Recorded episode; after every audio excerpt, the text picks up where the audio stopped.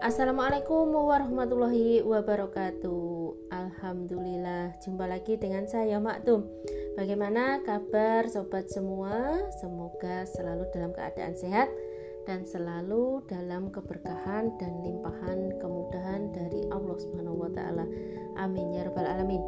Ya, teman, uh, saat ini kita sedang hidup di alam kapitalisme sekularisme. Tentunya kita sangat membutuhkan ilmu-ilmu yang bisa kita gunakan untuk menghadapi jahatnya sistem tersebut di dalam merangkul benak-benak umat di sekitar kita. Bahkan tak jarang banyak sekali yang terjerumus di dalam arus deras kapitalisme sekularisme yang begitu jahat membuat para penghuninya juga menjadi jahat. Tentu saja kita tak ingin menjadi manusia-manusia jahat ataupun ahli maksiat. Na'udzubillah. Dan teman, itu adalah cita-cita besar kita yaitu meraih surganya. Tentu saja untuk ke sana kita perlu mencari ilmu ya. Kita perlu untuk memperdalam bagaimana Allah Subhanahu wa taala memberikan aturan-aturannya di dalam Al-Qur'an, di dalam As-Sunnah, di dalam hadis maupun di dalam ijma sahabat dan juga kias. Nah, tentu saja teman-teman kita tidak lekas puas dengan apa yang kita miliki. Tentu saja kita akan berusaha belajar dan terus belajar. Teman-teman, bagaimana kita bisa meraup ilmu di taman surga? Tentu saja taman-taman surga ini sudah Rasulullah gambarkan bahwa taman-taman surga itu adalah majelis-majelis taklim, majelis-majelis ilmu yang ada di dunia sekarang ini. Tentu saja jangan kita lewatkan kesempatan ini ya sobat. Kita harus lebih jeli dan lebih teliti untuk mengkaji ilmu yang di situ memang benar-benar fikroh Islam yang dibawa dan bertujuan untuk mengembalikan kehidupan Islam di tengah-tengah umat. Nabi Shallallahu Alaihi Wasallam bersabda, "Jika kalian melewati taman surga, maka berhentilah." Mereka bertanya, "Apakah taman surga itu?" Beliau menjawab, "Halakoh zikir atau majelis ilmu." Hadis riwayat Tirmizi. Atau bin Abi Robah rahimakumullah berkata, Majelis zikir adalah majelis yang di dalamnya membicarakan ilmu halal dan haram yaitu bagaimana harus menjual, membeli, berpuasa, mengerjakan sholat, menikah, cerai, melakukan haji, dan semacam itu. Nah, tentu saja ada para ulama lain yang juga menegaskan tentang pentingnya ilmu. Salah satunya adalah Abu Abdillah Arut Zabari yang beliau berkata, Barang siapa yang berangkat menimba ilmu sementara yang dia inginkan semata-mata ilmu, maka ilmunya tidak akan bermanfaat baginya dan barang siapa yang berangkat menimba ilmu dalam rangka mengamalkan ilmu, niscaya ilmu yang sedikit pun akan bermanfaat baginya. Kegunaan seseorang menuntut ilmu atau dia belajar adalah untuk beramal.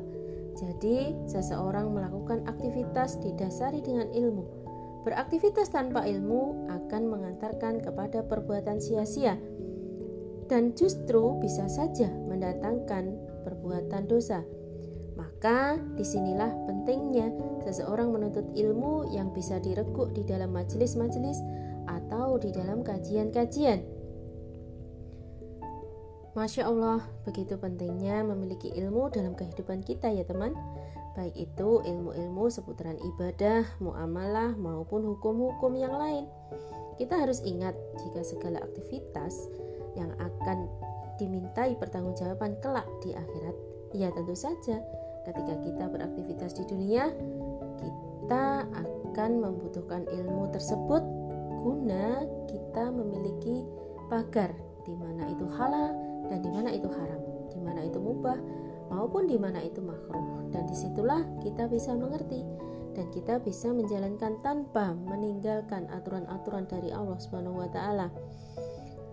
Beda orang yang berilmu dan tidak berilmu. Karena apa? Karena yang berilmu tentu saja akan mengerti apa yang dia lakukan itu berdosa atau tidak. Dan di situlah tempat kita untuk koreksi apakah yang kita lakukan sudah sesuai dengan syariat Allah ataukah belum. Nah, sedangkan orang yang tidak berilmu, dia akan melakukan aktivitasnya tanpa dia mengetahui inikah ini halal atau ini haram. Yang penting di benaknya adalah kesuksesan dunia yang di situ mendatangkan kebaikan kebaikan menurutnya, bukan kebaikan menurut Allah Subhanahu wa taala. Dan teman, itulah yang terjadi di sistem sekarang ini, sistem yang dicengkram oleh sistem sekularisme kapitalisme yang di situ justru menjauhkan manusia dari aturan Allah dan dia mementingkan urusan dunia. Ilmu yang dia pakai untuk mengaruhi kehidupan bukan bertujuan untuk bekal di akhirat. Sayang sekali. Allah taala berfirman dalam Al-Qur'an surat Az-Zumar ayat 9. Katakanlah, adakah sama orang-orang yang mengetahui dengan orang-orang yang tidak mengetahui? Sesungguhnya orang yang berakalah yang dapat menerima pelajaran. Nah, tentu saja ini mengibaratkan atau mengisyaratkan bahwa ilmu itu adalah petunjuk bagi kehidupan. Bagi yang berilmu, tentu saja dia akan benar-benar bisa membedakan di mana hitam dan di mana putih, yaitu di mana itu larangan Allah ataukah di situ yang diperbolehkan oleh Allah. Apakah di situ perbuatan terpuji ataukah itu justru perbuatan yang tercela? Orang yang berilmu, dia akan menjalankan kehidupannya yang di situ benar-benar bisa dia pakai untuk menuju jalan ke surga. Dengan semua itu, kita bisa melihat benar-benar penting il, sebuah ilmu bagi kehidupan kita. Dan tentu saja majelis-majelis ilmu yang kita datangi adalah majelis-majelis ilmu yang di situ benar-benar mengupas Islam dan di situ benar-benar fikroh Islam atau pemikiran Islam yang bisa kita gunakan untuk bekal di dalam kehidupan kita. Sayangnya saat ini ya kembali lagi ilmu digunakan hanya untuk urusan dunia. Sayang sekali Masya Allah ya. Hanya sedikit saja yang orang-orang itu yang menyadari bahwa pentingnya ilmu itu bisa digunakan untuk menuju kebaikan di akhirat. Nah, tentu saja ya eh, orang-orang yang seperti ini ya kelak akan menyesal di akhirat.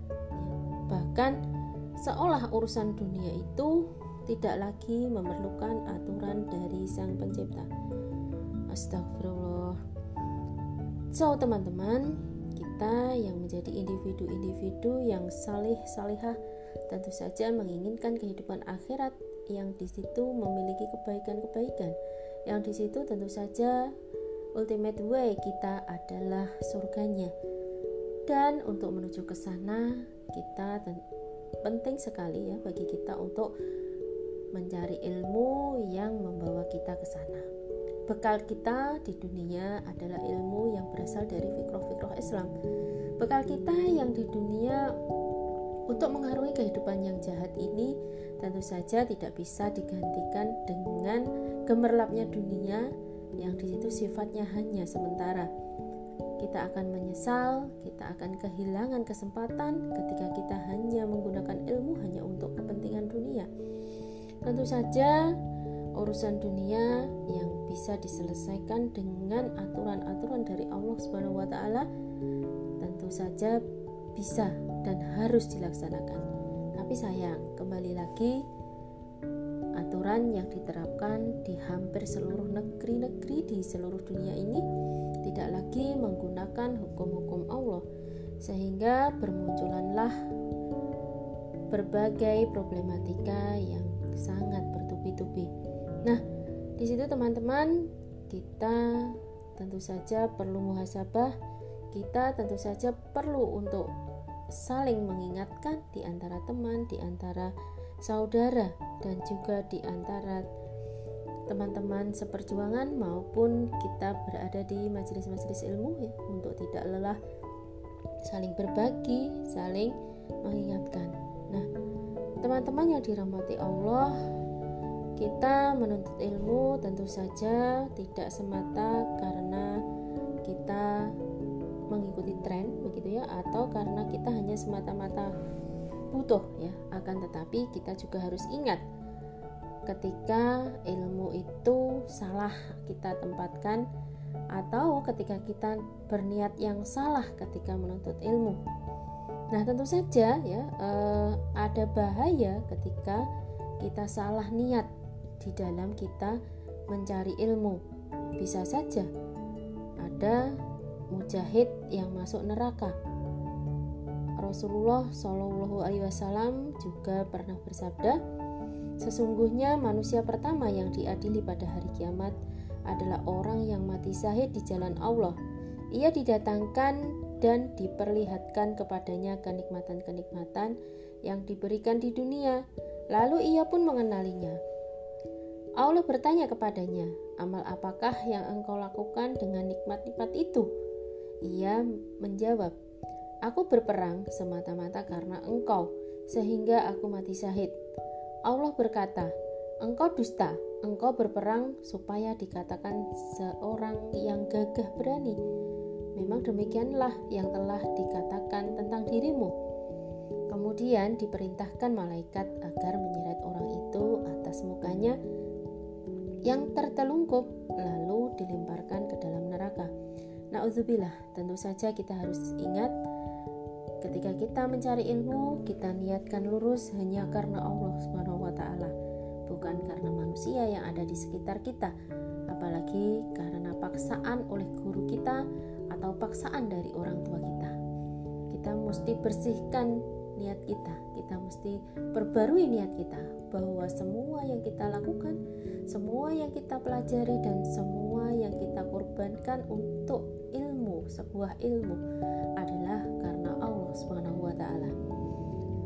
Yang kedua adalah orang alim yang masuk neraka. Masya Allah ya, ternyata ada pula orang alim yang masuk neraka. Berikutnya, orang yang diadili adalah seorang yang menuntut ilmu dan mengajarkannya serta membaca Al-Quran. Ia didatangkan dan diperlihatkan kepada kenikmatan-kenikmatannya, maka ia pun mengakuinya. Kemudian Allah menanyakan, amal apakah yang telah engkau lakukan dengan kenikmatan-kenikmatan itu? Kemudian orang itu menjawab, aku menuntut ilmu dengan mengajarkannya serta aku membaca Al-Quran hanyalah karena engkau. Allah berkata, engkau dusta. Engkau menuntut ilmu agar dikatakan seorang alim yang atau orang yang berilmu. Dan engkau membaca Al-Quran supaya dikatakan seorang khori atau pembaca Al-Quran yang baik. Memang begitulah yang dikatakan tentang dirimu. Kemudian diperintahkan malaikat menyeret atas mukanya dan melemparkan ke dalam neraka. Naudzubillah. Tentu saja kita mencari ilmu tidak ingin sanjungan dari orang-orang di sekitar kita. Tidak ingin disanjung sebagai orang yang alim, tidak ingin disanjung sebagai orang yang tinggi ilmunya. Kita bersihkan hati kita dari kotoran-kotoran yang demikian karena itu akan membawa bahaya bagi kita kelak di akhirat dan itu tidak terasa teman-teman tidak terasa kita telah terjerumus ke dalam hati yang ujub sifat yang ujub yang di situ memang tersembunyi yang di situ memang harus kita singkirkan sejauh-jauhnya. Dan yang terakhir adalah orang kaya yang masuk neraka yang dia diadili karena dia diberikan kelapangan rizki dan dia memiliki berbagai macam harta. Ia didatangkan dan diperlihatkan kepadanya kenikmatan-kenikmatan, maka pun maka ia pun mengenalnya. Lalu Allah bertanya, "Apa yang engkau telah lakukan dengan nikmat-nikmat itu?" Dia menjawab, "Aku tidak pernah meninggalkan sodakoh dan infak pada jalan yang engkau cintai, melainkan pasti aku melakukannya semata-mata karena engkau."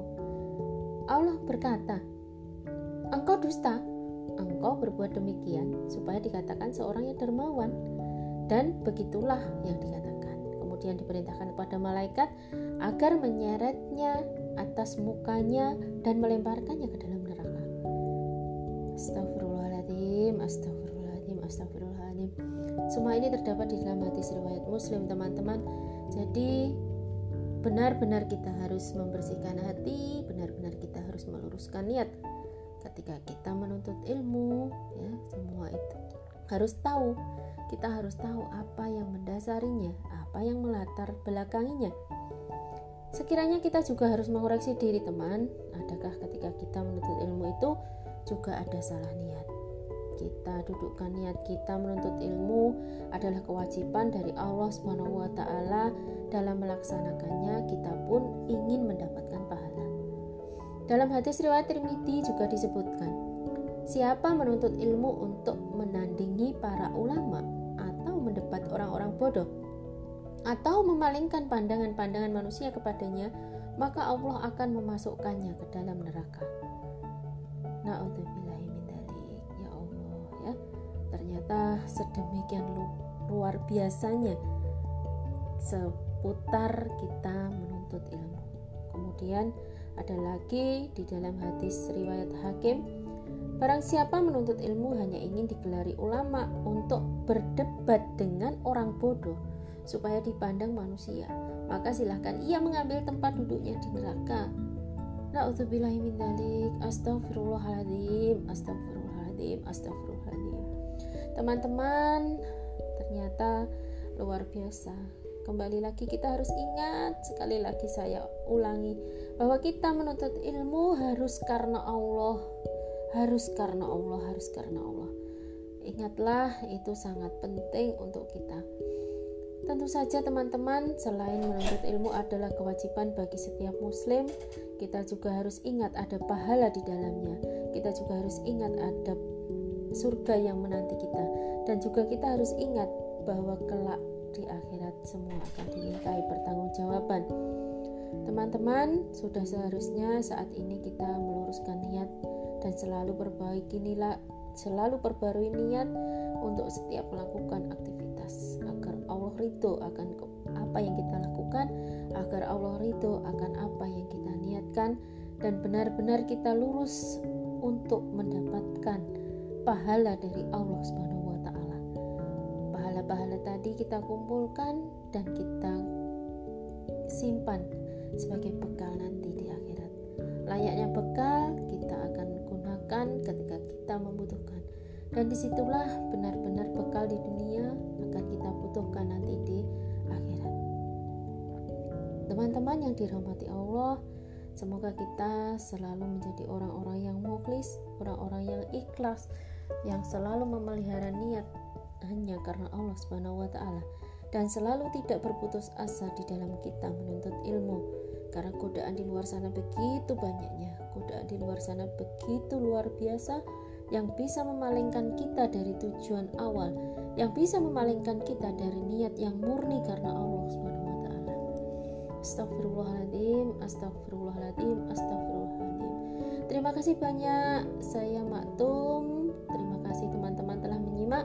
Sampai jumpa esok hari. Wabillahi taufik wal hidayah. Wassalamualaikum warahmatullahi wabarakatuh.